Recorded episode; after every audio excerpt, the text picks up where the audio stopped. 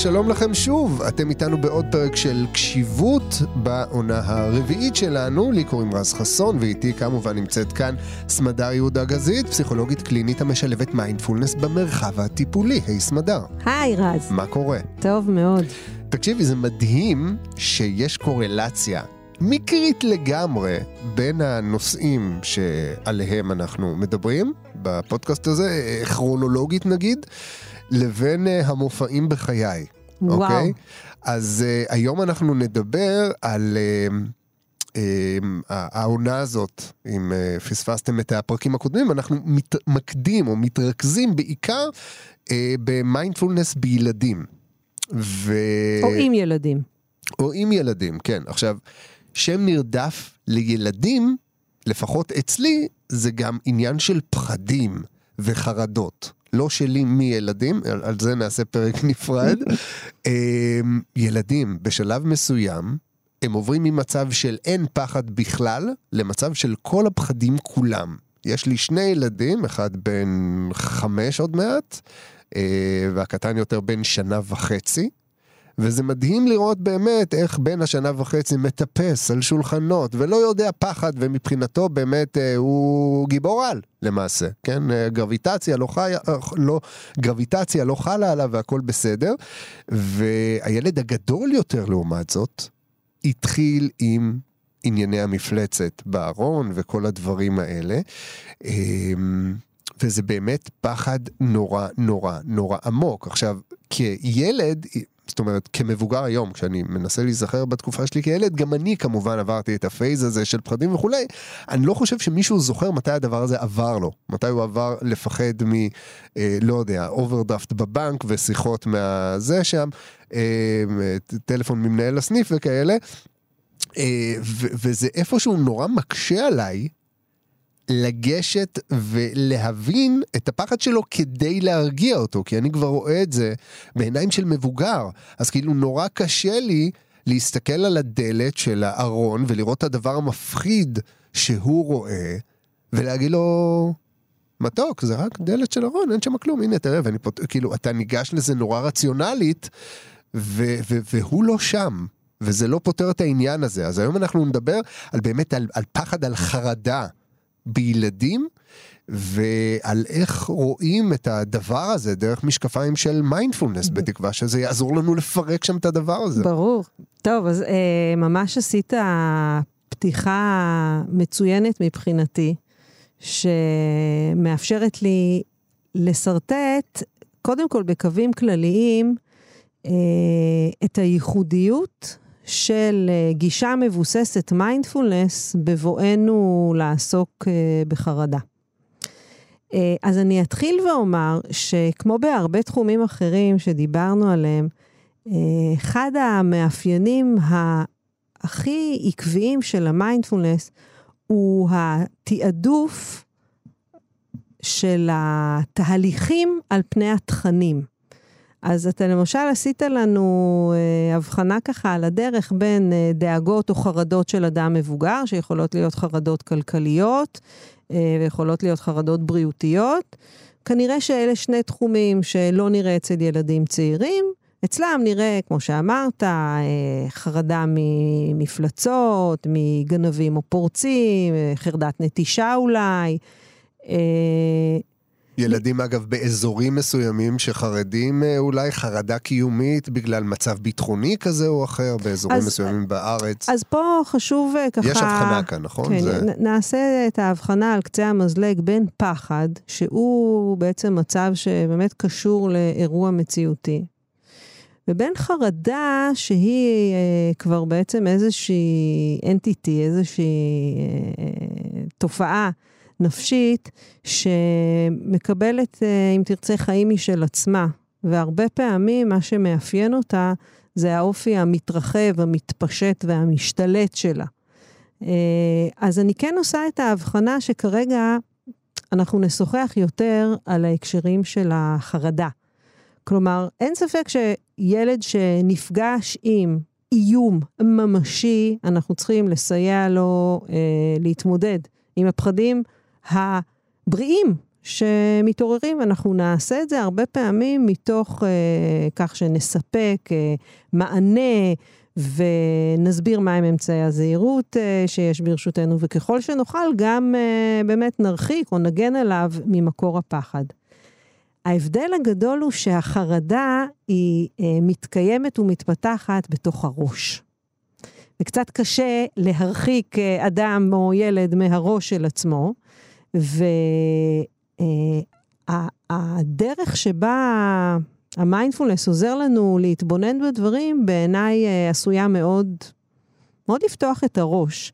ונתחיל מזה שככה גם כשסיימת את הפתיח שלך, אמרת משהו כמו, אה, אני לא יכול אה, להסביר ל, אה, לילד שלי אה, שאין ממה לפחד, basically. אז קודם כל, נתחיל מזה שכמו שאנחנו ממש לא אוהבים להיות בחרדה, כך גם הילדים לא אוהבים להיות בחרדה, זה מצב שהוא לא נעים. עכשיו, אם אנחנו נישאר בעולם הדיכוטומי, שבו אנחנו אומרים, או שאין חרדה, ואז אני מסכים, הכל בסדר, או שיש חרדה, ואז אני שובר את הכלים, לא מוכן. אה, כלומר, הפתרון היחיד הוא סילוק של החרדה. אנחנו חוזרים בעצם, נסוגים אל תוך עולם אה, מאוד מאוד בינארי של 0 או 1, שראייה מבוססת מיינדפולנס מאפשרת לנו דווקא להיחלץ ממנו. ואז עצם הניסוח של השאלה יהיה איך מתמודדים עם חרדה, איך מתנהלים סביב חרדה, ולא איך ממגרים אותה. מיגור של החרדה אה, הוא יהיה יעד אה, מאוד אה, מטעה ובלתי ניתן להשגה בניסוח הזה. אה, במיוחד שאתה בטח זוכר שדיברנו לא פעם על הרגלים ועל תבניות מנטליות. בוודאי. אז אני חושבת שכל אחד מאיתנו, אם הוא יבוא קרוב אצל עצמו עכשיו וייזכר באזורים שמעוררים בו חרדה, הוא יוכל לראות כמה עמוקים השורשים של החרדה, באיזה קלות הם מתעוררים. כלומר, החרדות שלנו יושבות בראש ובראשונה על תבניות, אה, תבניות של גוף ונפש יחד, ומכאן אה, אפשר להגיד שיש להם אפילו שורש כפול וחזק עוד יותר. ועם השורשים האלה בדיוק אנחנו נרצה לעבוד אה, כשנרצה לסייע לילד. אז זהו, אז בואי נדבר באמת על, על, על מה זו בעצם חרדה. זאת אומרת, אם אנחנו מנסים לפרק את המושג הזה.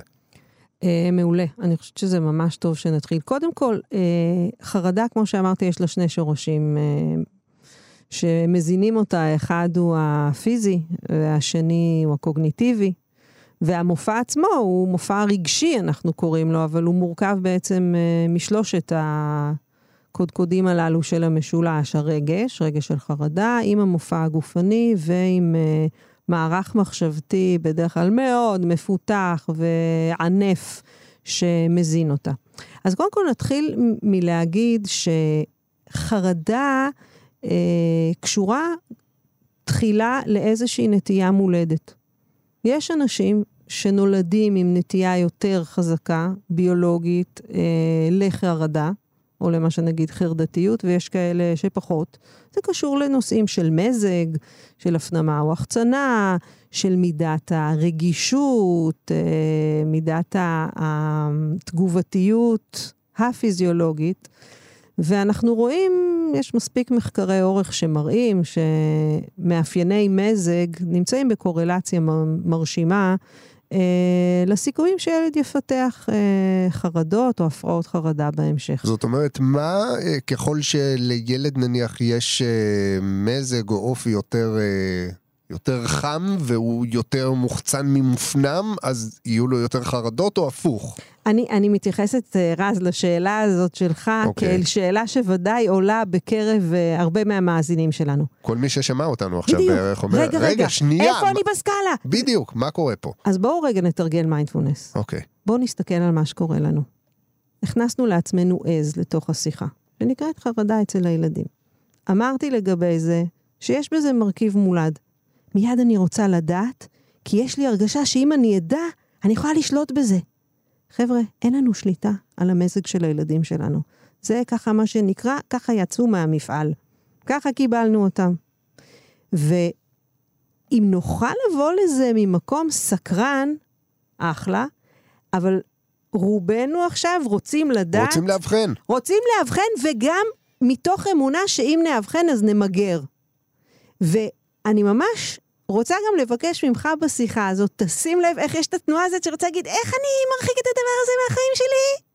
אז לא, אני רוצה שנדבר על זה ונדבר על זה כאל מופע שיש בכולנו, אצל חלק יותר ואצל חלק פחות. ואין זה... מה לעשות עם זה. יש מה לעשות עם זה, לא, אבל... אין מה לעשות עם זה, הכוונה בקטע של למגר את זה. זאת אומרת. אם אנחנו נאבחן, אם אנחנו נעשה בדיקת DNA לדבר הזה ונגלה שיש לנו את הגן שנוטה לדבר הזה, זה- בדיוק, זהו, חוץ מהידיעה בדיוק. שתכניס לנו עוד עדר של עזים לתוך הראש, לא יצא בדיוק, מזה שום דבר. בדיוק. עכשיו, אז אני אומרת, המזג זה הרכיב שהוא בעצם מולד ובאמת מחוץ לשליטתנו. אבל יש רכיב גדול עוד יותר, הייתי אומרת, והוא הרכיב הנרכש והנלמד. הוא נרכש ונלמד לא רק מבחינת איך ההורים שלי על הציר הזה של חרדה, אלא בעיקר מה קורה באינטראקציה בינינו. האינטראקציה בינינו לבין הילדים. כשהם חרדים, היא המפתח שאני רוצה שנתעסק בו היום. זה המשמעות מבחינתי של לדבר על מיינדפולנס בילדים. אוקיי. בואו נתחיל ונגיד שרוב הילדים, בטח עד ככה אזור גיל 5-6, המצב התקין, קוגניטיבית, זה לראות את העולם באופן פשטני, של שחור או לבן. חלקנו לא מאוד אה, מתקדמים משם, בוא נודה. יש אנשים שככה אנחנו מכירים שנשארים אה, ככה באזור של השחור או לבן, אני אומרת את זה כזה טיפה בציניות, אבל אני כן אגיד שכולנו תחת מספיק סטרס, למשל במצב של חרדה, אנחנו ניסוג לשם, כי זה מפשט את העולם. לראות את העולם בשחור ולבן זה עושה אותו יותר פשוט.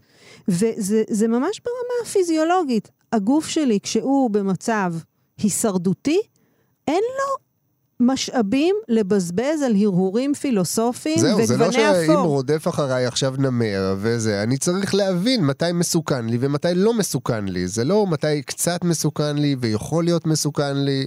מה קורה עכשיו? כן בדיוק. מסוכן, לא מסוכן, תנו לי תשובה. עכשיו, בשלב הזה, שמקובל למקם אותו באזור של גיל חמש, בגיל חמש אנחנו כבר מצפים לראות יותר גמישות פסיכולוגית. מתחילים לראות אותה מתפתחת. אחד ההיבטים של גמישות פסיכולוגית זה היכולת לראות גווני אפור, או בשלב יותר משוכלל, יכולת להבין שהמחשבות שלי הן לא בהכרח המציאות. כלומר, כשהבן שלך אומר לך, אבל אני חושב שיש אריה בארון, אם הוא כבר יכול להגיד, אני חושב שיש אריה בארון, אז אנחנו רואים ששפתית כבר יש לו את ההבחנה. אבל סביר להניח שאם אתה רואה שהוא בחרדה, הוא יודע שיש אריה בארון. הוא אומר לך שהוא חושב, אבל הגוף שלו, מתנהג כאילו יש אריה בארון. יש ידיעה ברורה. מוחלטת. ובוא נגיד שאם אתה גם לא מבין אותו, אם אתה תגיד לו אוי שטויות, אתה רק מגביר את המצוקה שלו עוד יותר. כי אין דבר יותר מפחיד ממפלצת שרק אתה יודע שהיא שם, וכולם אדישים כלפיה. וש- העולם הולך להת- להיחרב. ושהאדם ורק אתה- היחיד בסביבתך, שאתה סומך עליו שאולי יכול לתקן את הדבר הכל כך כל כך חמור שקורה כאן בניגוד לסדר התקין, אומר לך ב- בשפת העם שאתה אוכל סרט. בדיוק. אוקיי. אז אני חושבת שאנחנו צריכים להבין שסביבות הגיל הזה, גיל חמש, אנחנו מתחילים לראות את ההשתכללות של המנגנונים, אבל בהחלט סביר שבכל מיני תחומים, או לחילופין, בתקופה מאוחרת יותר, כשפתאום יש התגברות של הסטרס, או אירוע שהוא ככה איזושהי נקודת שבר אה, או טראומה בחיים של הילד, אנחנו עשויים לראות פתאום איזושהי נסיגה אל אותם מנגנוני חשיבה שנורא עוזרים לחרדה להיבנות, להתלקח. זה, זה, כמו שנגיד, אוקיי, התחילה מדורה קטנה של אה, פחד, מה השמנים שאנחנו והילד שלנו ו- והאינטראקציה בינינו, מה השמנים שאנחנו אולי בלי להתכוון שופכים לתוך המדורה הזאת. ההיבט הזה שדיברתי עליו, של אה, לראות uh, את המחשבות שלי כמציאות ממשית, אתה בטוח זוכר, ומאזיננו ודאי זוכרים, שדיברנו על זה בעונה הראשונה. על הסלוגן הגאוני הזה, מחשבות אינן עובדות.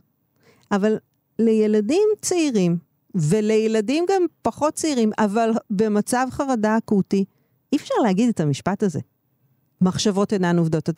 זה כמו להגיד, אל תפחד. אז uh, אני, אני גם נותנת לנו ככה כמה עצות על מה לא כל כך מועיל להגיד.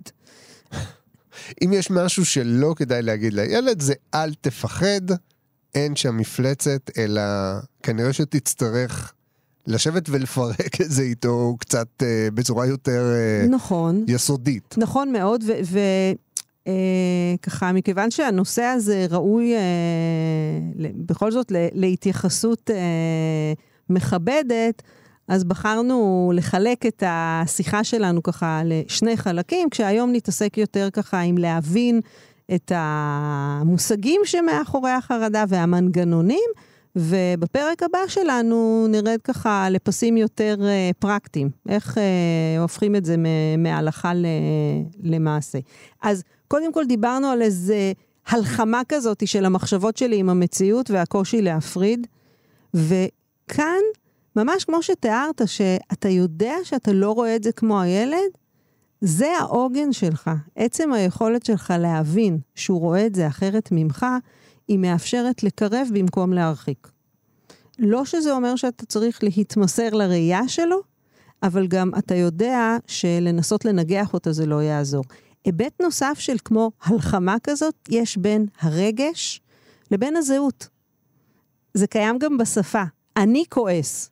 בסדר? אתה תגיד לי, אני רז, אני אבא, אבל אתה לא תגיד לי, אני שפעת. ואתה גם לא תגיד לי, אני קורונה, אם יש לך שפעת או קורונה. ואתה גם לא תגיד לי, אני צוואר תפוס.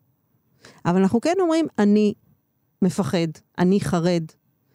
כי יש משהו, והשפה פה מסגירה איזושהי אה, חוכמה עמוקה אודות החוויה, ההרגשה היא טוטאלית.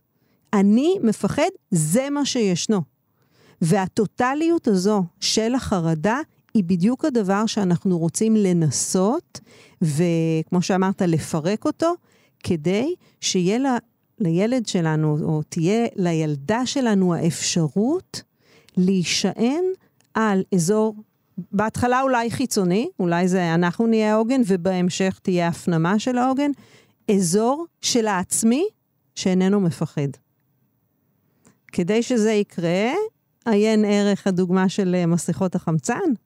אנחנו צריכים כן, קודם, קודם כל... כל להרגיע את עצמנו, ואז נוכל באמת להרגיע את הילד. לגמרי. כי להרגיע ו... מישהו כשאתה בעצמך בסוג של פאניקה, זה גם פחות יעיל. נכון, עכשיו, הפאניקה שלנו כהורים, הרבה פעמים היא לא תהיה מהמפלצת בארון, אלא אוי ואבוי, אני לא מאמין, חצות, הוא לא נגנם, הוא לא נרדם, אני, אני, אני צרה, חייב לקום מחר בחמש, יש לי עוד מיליון דברים, יש לי עוד מיליון דברים לעשות, מה זה הדבר הזה עכשיו? תקשיב, אין פה שום דבר, הכל בסדר, תלך לישון כבר, תלך לישון כבר, אין שם שום זה דבר. זה אפשרות אחת, או מה אתה רוצה שאני אתן לך? אתה רוצה מיץ? אתה רוצה, אתה רוצה לבוא לישון איתנו? אה, זה השוחד, שיטת השוחד, כן, שעושה נזק הרבה יותר גדול. עכשיו, אני, אני חושבת שכדי להיות כנים עם עצמנו, אנחנו צריכים להסתכל לזה בעיניים ולהגיד, וואלה, זה באמת קשה לנהל אירוע של ילד חרד, כשאני מתה מעייפות, בסטרס של עבודה, ורוצה את הדבר הפשוט של לישון במיטה שלי בלי תוספות אה, מתנועות. כן, זה בדיוק העניין, זה פירות המשא ומתן עם טרוריסטים, אסור להיכנע לעניין הזה, והפעם הטרוריסט הוא הפחד, כן? שלא יהיה ספק. זה נכון, אני ממש מסכימה. הטרוריסט הוא הפחד של הילד, אבל הוא גם הלחץ שלנו. ברור. הוא מפעיל את הלחץ על הילד שמפעיל את הלחץ עלינו, הוא נורא מחוכם, הפחד הזה. כן. אה, ואני חושבת שהרבה פעמים אני מוצאת את עצמי גם בעבודה, ו- ואני לא עובדת עם ילדים ישירות, אבל אני עובדת עם הורים. אני רואה כמה חשובה יכולה להיות נקודת העיגון של ההורים בשיח שלנו, או בקשר uh, הטיפולי, כדי לאפשר להם ליצור מרחב שמתוכו הם פועלים מול הילדים החרדים, מול ילדה שנמצאת עכשיו בסוג של uh, התקף חרדה, שלא בא טוב, לא בא טוב בתוך הלוז, ושהנטייה האוטומטית היא להרגיע ואפילו לספק איזשהו מענה. אני רוצה להגיד כאן uh, משהו חשוב בכלל על האופי של החרדה, ודיברנו על זה בעבר בהקשר של מיינדפולנס, מיינדפולנס אה, שמתגייס להתמודדות עם חרדות. חרדה left alone, אם אנחנו עוזבים אותה לעצמה, היא מתפשטת, היא משתלטת, היא מתרבה ומשתכפלת. אה, זה לא תהליך תמים, שאוקיי, אם לא טיפלתי, אז... זה אז בטח. יגבה מתישהו. יגבה בעין. כן. אני יכולה להבטיח שאם לא נטפל, אז זה יגבה בה' ויתרחב ויעמיק בכל מימד אפשרי. וההבנה הזאת היא מאוד uh, חשובה לנו, כי זה הופך גם את הזמן לשם משחק. כלומר, ככל שאני נותנת לזה יותר ככה לדשדש, קורים תהליכים. גם אם הם לא מאוד מובחנים, וודאי אם הם לא נראים לעין, אבל קורים תהליכים של התרבות. כי למשל, אם, אם הלכתי ברחוב עם הבת שלי, ופתאום איזה כלב נבח עליה, והיא נבלת. נגיד כי יש לה נטייה ביולוגית, היא יותר... אה, רגישה, שומעת קולות אה, חדים בצורה מבהילה כן, במיוחד. כן, מערכת העצבית שלה היא מערכת יותר רגישה, ונגיד עוד יותר רגישה במישור השמיעתי. והיא פחדה. ואני, יכול להיות שאני אפילו אחשוב שזה נון אישו האירוע הזה. אבל עוד שלושה שבועות, כשנפגוש את הכלב של השכנה, היא פתאום תצעק, היא לא מוכנה שהוא יתקרב אליה. מה קרה שם מאחורי הקלעים? בואו ניקח את הכלי שיש לנו של להתבונן בתודעה. קרה שם תהליך, נקרא לו, זחלני של כיבוש. נורא קל שזה יקרה גם כשהחשיבה היא בינארית. אז הכלב נבח, אני יודעת שכלב נושך, אז בעצם מהר מאוד בתוך השפה הכלב נשך, ההפרדה בין דמיון למציאות היא שטות קטנה מאוד בגילאים מסוימים. הכלב נשך, כל כלב נושך, כל הכלבים נושכים, זהו. ושבועיים down the road יש לי ילדה שלא מוכנה לראות כלבים. אני זוכרת את עצמי באופן דומה, בגיל ארבע נתקעת במעלית, ו... ולא יודעת עדיין לקרוא, אז לא קראת את השלט שאסור ללא ליווי מבוגר לא. מגיל 11. אתה רואה, אתה, אתה, יש לך פה כל מיני דעות קדומות עליי. נסעתי עם אה, שכנים וגם גדולים ממני. אה, לא היית לבדך. לא הייתי אוקיי. לבדי, ואותם זה מאוד שיושע. אז אני מתנצל, את היית בסדר גמור וילדה אחראית. ולי קרה תהליך אחר שבעקבותיו שנים לא עליתי במעליות. ואנחנו עלינו לכאן, לקומה הרביעית בבניין הזה, במעלית. אני ממש, ממש לאחרונה השתחררתי. זהו, כל הכבוד. אז שתפי אותנו בתהליך. אני חושבת היום, שבאמת, אני יכולה להגיד על עצמי, ש, שהייתה לי מערכת אה, הישרדותית מאוד יעילה. סבתא שלי, עליה השלום, החמיאה לי בעבר. וכשהיא הייתה רואה אותי, נגיד, פתאום נבהלת מרעש חזק ומחווירה לגמרי, היא הייתה בסיפוק אינסופי של כימאית, אומרת לי, הקורטיזול שלך עובד נהדר! כן, היא זיהתה נכון. חדשות טובות סך הכל. הורמון הסטרס שלי השתחרר כנראה במהירות וב... יעילות. כמות גדולה. ומה שהוביל מצד אחד אה, אה, את סבתא שלי להירגע שאם אני אפגוש דוב, כנראה שיש לי סיכויים ממש טובים לזהות את זה מוקדם ולברוח. היא פחות הייתה עסוקה בזה שזה... ביום יום אנחנו בסביבה פחות שורצת דובים, ו... בדיוק, אבל כן וה... נתקעים במעלית, וכלב נובח, ובהפסקת חשמל לא רואים כלום. אז אני חושבת שפה היכולת היום להיעזר בידע מדעי ובידע מחקרי, כדי להבין טוב יותר ולזהות אפילו בגיל צעיר יחסית, שהילד שלי הוא רגיש יותר. זה ממש ממש לא משתמע מזה שאני צריכה לשמור עליו בכפפות של משי, אבל זה אומר שיש לי הרבה יותר אפשרות להשפיע על המפגש שלו עם העולם, לתווך לו, לתווך, את, זהו, לתווך לתווך את ו- המפגש עם העולם ולהיות עם יד על הדופק. עכשיו, כל עוד אנחנו מדברים על הילדים שלנו, הטבע ברא את הדברים כך שהם יפנו אלינו קודם כל, כדי שנעשה משהו נוכח התקלה הזאת בעולם. בסדר? זה תקלה, זה שיש מפלצת בארון מבחינת הילד זה תקלה. עכשיו, הוא היה רוצה אחד משני דברים, או שנימנע לחלוטין ממפגש עם זה, כלומר נעבור בית למשל, זה סבבה. לגמרי, מי לא עבר בית בגלל מפלצת בארון? בדיוק.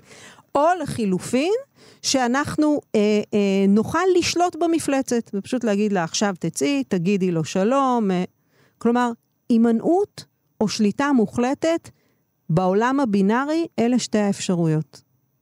אתה ואני יודעים את מה שייקח לילדים הצעירים עוד אי אילו שנים ללמוד. אם נסתפק רק בשתי הדרכים האלה, מצבנו יהיה רע ומר.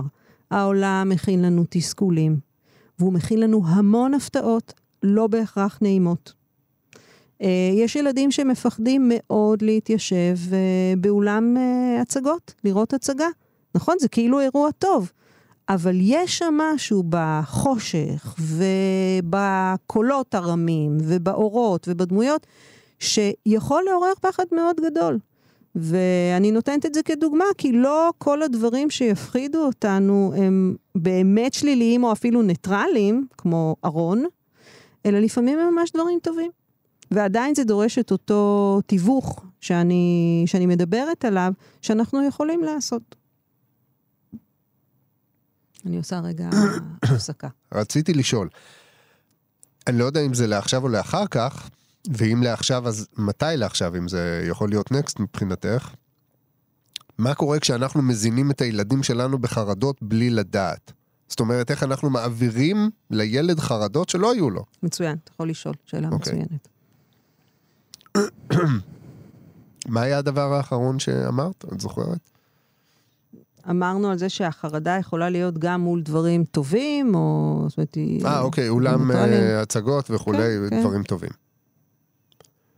אוקיי, עכשיו כשאנחנו... אמ, אה, כן, זו סיטואציה נניח שאני, שאני מכיר, כן? דברים שהילד נניח אה, נורא ציפה להם ונורא רצה להיות בהם וכולי, ופתאום אנחנו מגיעים ומשהו בתנאים שם נורא מלחיץ אותו, ואז זה מבלבל גם אותך יותר, כי אתה אומר לו, רגע, אבל אתה רצית את זה כל הזמן, למה אתה פתאום לא רוצה? וזה נראה לנו קצת אה, באמת משונה. אה, עכשיו, יש משהו שאולי, אני לא יודע אם הוא הפוך מזה, כן? אה, אבל יש הרבה מאוד מצבים אמ, שקורים במקביל, שבהם הילד, אמ, גם אם הוא חרדתי, בוא נגיד במצב יחסית בסדר, אוקיי? אין שום דבר שמעורר חרדה, אבל פתאום אתה, לעומת זאת, חרד ממשהו. אוקיי? זה יכול להיות תלוי סיטואציה, תלוי סביבה, תלוי עניין, לא ברור, לא, לא משנה מה. אה, וזה גם אצלך מן הסתם נשען על רקע קודם, על בוא נגיד אה, אה, איך תיארנו את פחד המעליות שלך בהנחה ולא התגברת עליו, הילד שלך רוצה לעלות כמו בן אדם במעלית ואתה אומר לו לא, רי, אל אל תעלה במעלית, בוא נעלה במדרגות. ועכשיו בעצם בלי שום סיבה, כי בעצם לא היה פה איזשהו עניין שהוליד דבר, אף אחד לא נבח עליו, ואז הוא הסיק מזה שהוא יכול לנשוך אותו וכולי. הילד בסך הכל רצה לעלות במעלית, ופתאום אתה מדביק עליו פחד שהוא לא שלו. ממש. עכשיו, בשלב מסוים הדברים האלה גם, איך אמרנו, אה, עניין של כיבוש, גם זה צורה של פחד. לכבוש עכשיו את הילד דרכך, כן, ה, ה, לא יודע, האדם אולי שהכי אוהב ודואג לו בעולם הזה, ופתאום הילד פוחד ממשהו שהוא אפילו לא יודע להסביר למה זה כל כך מפחיד. הוא רק יודע שאם אבא פוחד מזה, כנראה שזה מסוכן. זו דוגמה מצוינת, ואני חושבת שאתה יודע, גם בשיחות ההכנה שלנו לקראת העונה הזאת, אה, חשבתי הרבה שעל פניו אפשר לחשוב שמיינדפולנס בילדים, אה, זה סדרה של אה, שיחות שתעסוק באיך אני מלמד את הילד שלי לעשות מדיטציה, איך אני מלמד את הילד שלי שמחשבות אינן עובדות, ואני אחזור כאן אה, לה, להבנה הבסיסית שלי. מיינדפולנס עבור הילדים שלנו הוא ברובו הגדול הגדלת המיינדפולנס שלנו כלפי עצמנו, כלפי מה שמפעיל אותנו. הבנה שלנו את האופן שאנחנו מתנהגים, ובדיוק כמו שאתה מתאר, מה אנחנו מבלי דעת, וודאי אה, מתוך שפע כוונות טובות, מניחים על הכתפיים הרכות של הילדים, וזה בדיוק מחזיר אותי לתחילת השיחה על הרכיב הנרכש. ואני רואה את זה בקליניקה שנים, ואני מכירה את זה גם על עצמי. עכשיו, שוב, יש כאן אינטראקציה עם גורמים מולדים, נכון? יש אה, אימא חרדתית שפתאום יהיה לה ילד שהוא הכי לא מפחד בעולם. בטח שזה קורה. אבל אם יש לנו ילד שכן בא אל העולם עם נטייה יותר uh, to, to, to pick up, כאילו לשים לב לממה ממה צריך לפחד, אם אימא שהיא מנוהלת במידה גדולה מן הממוצע על ידי החרדות שלה, צר לי, אבל אני לא, לא חושבת שיהיו לנו הפתעות. אנחנו נראה ילד שבהדרגה אה, מאמץ יותר ויותר דפוסים חרדתיים. אה, יכול מאוד להיות בכלל בלי, בלי שהאימא מתכוונת. הפתרון איננו בכך שהאימא תלמד אה, כלפי חוץ לייצר התנהגויות רגועות כשהיא חרדה. ילדים קוראים אותנו הרבה מעבר לעטיפה. זאת אומרת, הרשת החיצונית, מה שנקרא play it cool outside, זה, זה, זה פחות עובד. בטח לא בגישה מבוססת מיינדפולנס שמאמינה שהדרך אה, להקל סבל היא באיזושהי התבוננות יותר ויותר מעמיקה פנימה. והסרה של כל מיני שכבות של הרגלים והתניות עמוקות שמצמצמות את החופש שלנו. כשדיברת על טרור ועל כיבוש, אנחנו צריכים לזכור, מה שנכבש הוא תמיד החופש שלנו לפעול בעולם. ולכן, לקראת הפרק הבא, שנדבר יותר על ה... איך מתרגמים את הדברים מהלכה למעשה, אני רוצה להגיד שהעוגן המרכזי שלנו כהורים, נוכח uh, חרדה של הילדות שלנו, הוא חזרה לגמישות פסיכולוגית. היכולת שלנו להוציא את עצמנו ממצבי אפס או אחד, שאנחנו נדחקים אליהם. גם אנחנו, תחת סטרס, עייפות, אה, עומסים שונים, גם אנחנו חוזרים לראייה פשטנית יותר של אפס או אחד, ללרצות למגר את החרדה ולחסל אותה. זו גישה שלא רק שלא תועיל, היא תזיק. אז העוגן המרכזי הוא ביכולת שלנו לחזור להגמיש את עצמנו, למצוא את גווני האפור, אה, לחפש את הדרכים, דרכי הביניים שמסתתרות בוודאי מעיני הילדות החרדות והילדים החרדים, אבל לזהות שגם לפעמים אה, נסתרות מעינינו. ולכן, ילד שמפתח פחד ממעליות, ואני יודעת שאימא שלו חרדה ממעליות, אני לא אעבוד איתו. אני אעשה עבודה יסודית עם האימא, או לחילופין עם האבא, כדי לייצר לו עוגן. ועם העוגן הזה אפשר להתחיל לעבוד. אוקיי, okay, עכשיו זה באמת מצב אחד. עכשיו, יש מצב אחר, שהוא אחר באמת לגמרי, מצב שבו אה, הורים, אולי בקטע מודע, אומרים, אוקיי, אני, הילד חרד, אני אדע איך לגמול אותו במרכאות מהפחד הזה, אני פשוט אחשוף אותו לפחד הזה, הוא יראה שהפחד הזה לא באמת אמיתי, כן? הוא, הוא יראה בעצם שאם הוא פוחד מ-X ואני חושף אותו ל-X, אז הוא יראה שהוא בסדר גמור אחר כך. מה זה בסדר? הוא בחיים. לזה אני קוראת פסיכולוגיה DIY, do it yourself. למה לא? בדיוק. הילד מפחד לרכוב על אופניים בלי גלגלי עזר? שגר, ובסוף אה, בסוף הוא ילמד. מה שנקרא, כן, כן, אני מחזיק אותך, והוא לא מחזיק בדיוק. אותו. בדיוק. עכשיו, אה, קודם כל, אני תמיד מעדיפה שאדם מיומן במקצועו יעשה את עבודתו. עכשיו, יש הורים שיש להם את האינטואיציה הזאת ואת ההבנה, אבל זה בעיניי אקוויוולנטי למה שקראתי גמישות פסיכולוגית. והרבה הורים יכולים לעזור לילדים שלהם, בהינתן שיש להם את הגמישות הזאת. הורה שחושב שהוא יודע מה קורה לילד, ושיש רק דרך אחת לטפל בחרדה שלו, ובכוונה אני מדברת ככה, כי אני מתחילה לשמוע את הקול הזה, זה לא קול שמבשר אה, גמישות פסיכולוגית. Uh, עכשיו, כל העסק הזה הוא מבלבל, כי יש פה ושם ילדים שזה ממש עובד איתם, שבאמת זורקים אותם למים והם מתחילים לשחות. מהמם. אבל יש את אותם ילדים... מה קורה עם אלה שטובעים? יש את אלה שטובעים, ויש את אלה שנוצרת אצלם טראומה, ואחרי זה לך תנסה בגיל 13 אה, להכניס אותם אה, בכלל לבריכת אה, פעוטות.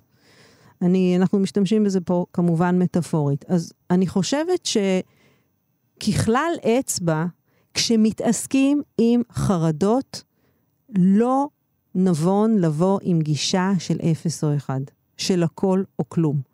אה, ובטח היום, כשיש כל כך הרבה אפשרויות לקבל ייעוץ ולחשוב על דרכי ביניים, אה, ללכת בכוח זאת אה, גישה שיהיה, נכון, אני, אני לא שוללת שלפעמים זה מצליח, אבל מבחינת המחיר של uh, המקרים שזה לא מצליח... מה יקרה כשזה לא מצליח? ממש חבל, כן. ממש ממש חבל. אז רגע לפני שנעבור לתרגול, אה, נבטיח רק שעכשיו דיברנו בעיקר באמת על התיאוריה, על כל מה שעומד מאחורי החרדה, כן, המושג הזה והאופן שבו אנחנו והילדים כמובן חווים אותו, ובפרק הבא אנחנו נדבר באמת על מה עושים עם זה. ואיך מתמודדים עם זה.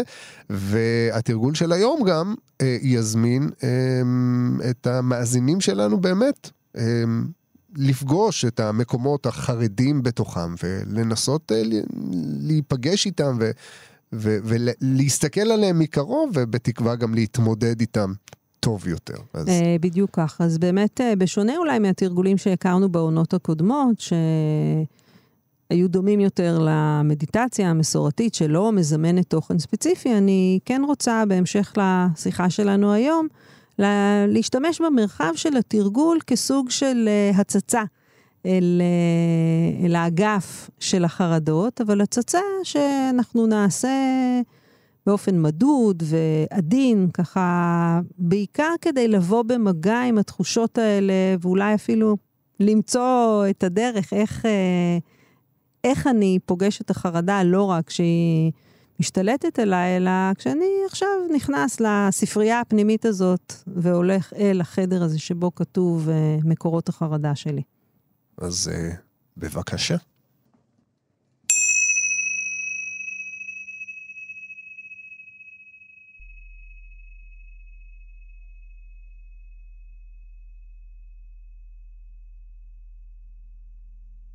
מצילה.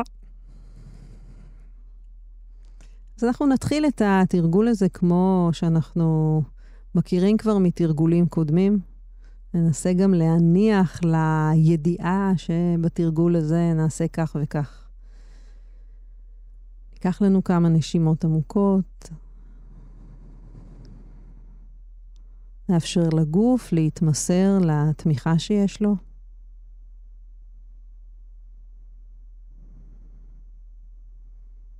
נוכל אולי לעצור ולהתבונן באזורים של הגוף שבאים במגע עם הכיסא או המושב שעליו אנחנו יושבים, עם הרצפה או האדמה. אולי גם להבחין במגע של האוויר עם האיברים החשופים שלנו.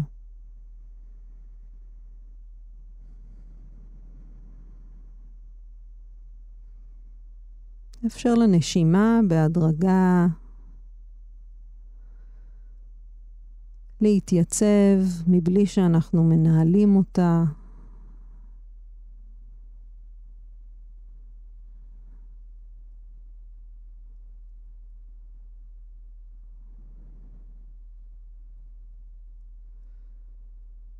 לחוש את פלג הגוף התחתון.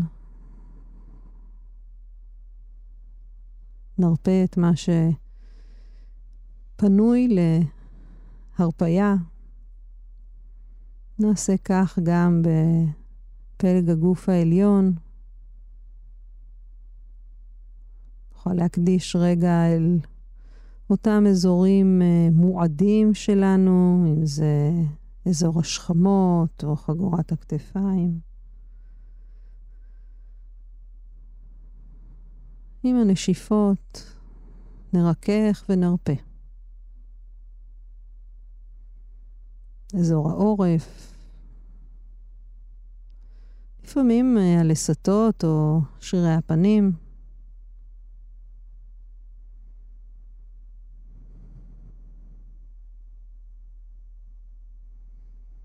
ונאפשר לתשומת הלב להינשא על הגלים של הנשימה,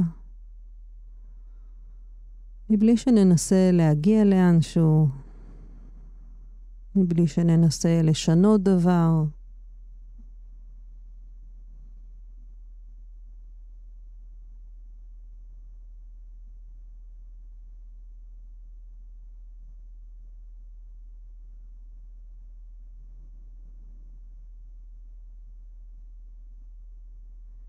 יכול להבחין במצב של התודעה כרגע, כמה היא טרודה, נינוחה, דרוכה. מה מאפיין את uh, מצב התודעה שלי ברגע הזה?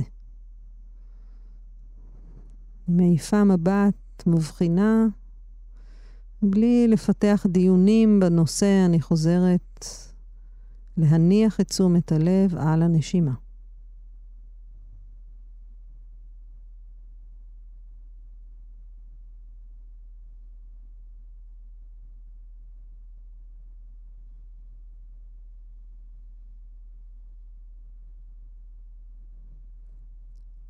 עכשיו נוכל uh, לנסות ולהזמין אל שולחן העבודה המנטלי שלנו איזשהו נושא או אזור בחיים שלנו שצבוע גם בצבעים של חרדה או פחד, לא דרמטי, לא משהו שיציף ויבלע כרגע את תשומת הלב לחלוטין, אולי אפילו משהו שהיינו רגישים לו בעבר והיום פחות. ופשוט נתבונן בהתרחשות הזו הגופנית, רגשית, מחשבתית, שקורית כשאנחנו מזמנים תוכן מעורר חרדה.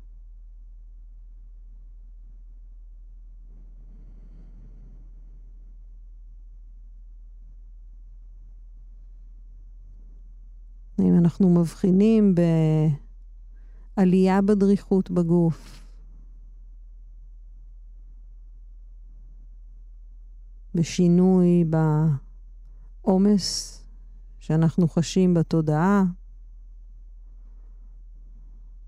בהשתנות של האיכות הרגשית שנוכחת. ומבלי לשוחח עם התכנים, בלי לנסות לסלק אותם או להפריך אותם.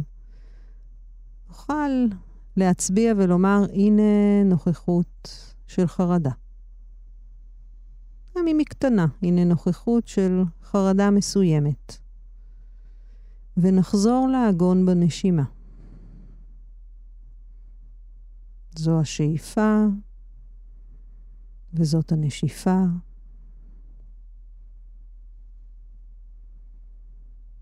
בתוך המרחב הזה של ההתבוננות, אני מזמינה אותנו לתת לחרדה הזאת לנכוח,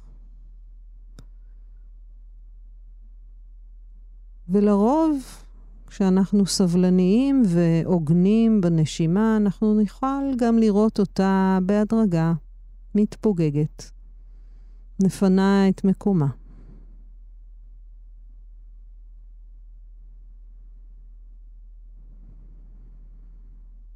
האם ההתרחשות בגוף נשארה כשהייתה? האם אנחנו יכולים לזהות בשינוי?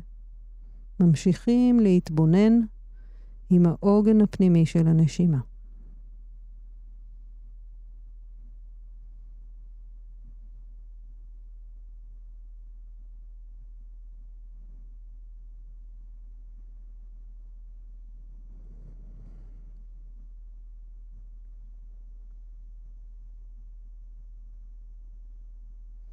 הכוונה כאן היא לא לחזור מחדש ולהעלות את התוכן,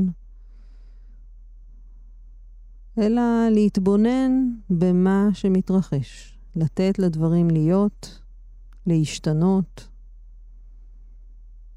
או אם הם נשארים כשהיו, לתת להם להישאר כשהיו. אנחנו רוצים לשמור על קשר אל העוגן של הנשימה, לחוש את השאיפה ואת התנועות שלה, לחוש את הנשיפה והתנועות שלה.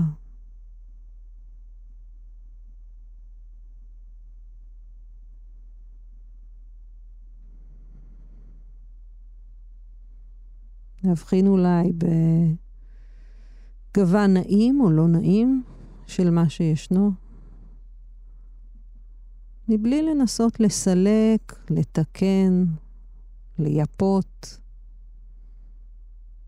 להיות עם מה שישנו, בתוך המרחב הזה של תשומת הלב.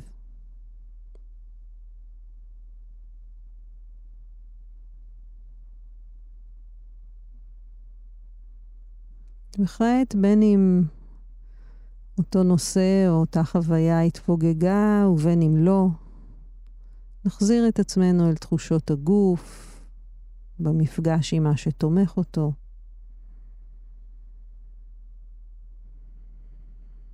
נוכל בהדרגה להניע את אצבעות הרגליים והידיים כדי לחדד את העיגון בגוף, את הקשר כשנשמע את המצילות, נוכל בהדרגה לפקוח את העיניים ולחזור אל המרחב הזה שבו אנחנו נמצאים.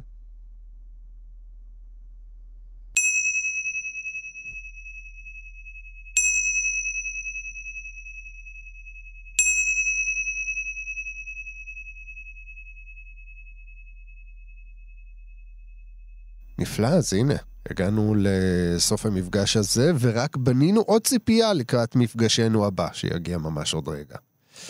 סמדר יהודה גזית, פסיכולוגית קלינית המשלבת מיינדפולנס במרחב הטיפולי. אני מאוד מודה לך שהגעת גם היום. היה לי כיף ומחכה לפעם הבאה. אז הנה, זה יקרה ממש עוד מעט. תודה רבה גם לכם שהצטרפתם אלינו לעוד פרק של קשיבות. אתם uh, מוזמנים להאזין לכל הפרקים הקודמים, גם בעונה הזו וגם בעונות הקודמות, בעמוד ההסכתים שלנו, באתר uh, כאן. ובכל אפליקציה יישומון הסכתים שחביב עליכם, אנחנו בכל מקום. לי קוראים רז חסון, אנחנו נשתמע כאן בפעם הבאה, עד אז יהיו במיינדפולנס, תרגישו טוב, ולהתראות. thank you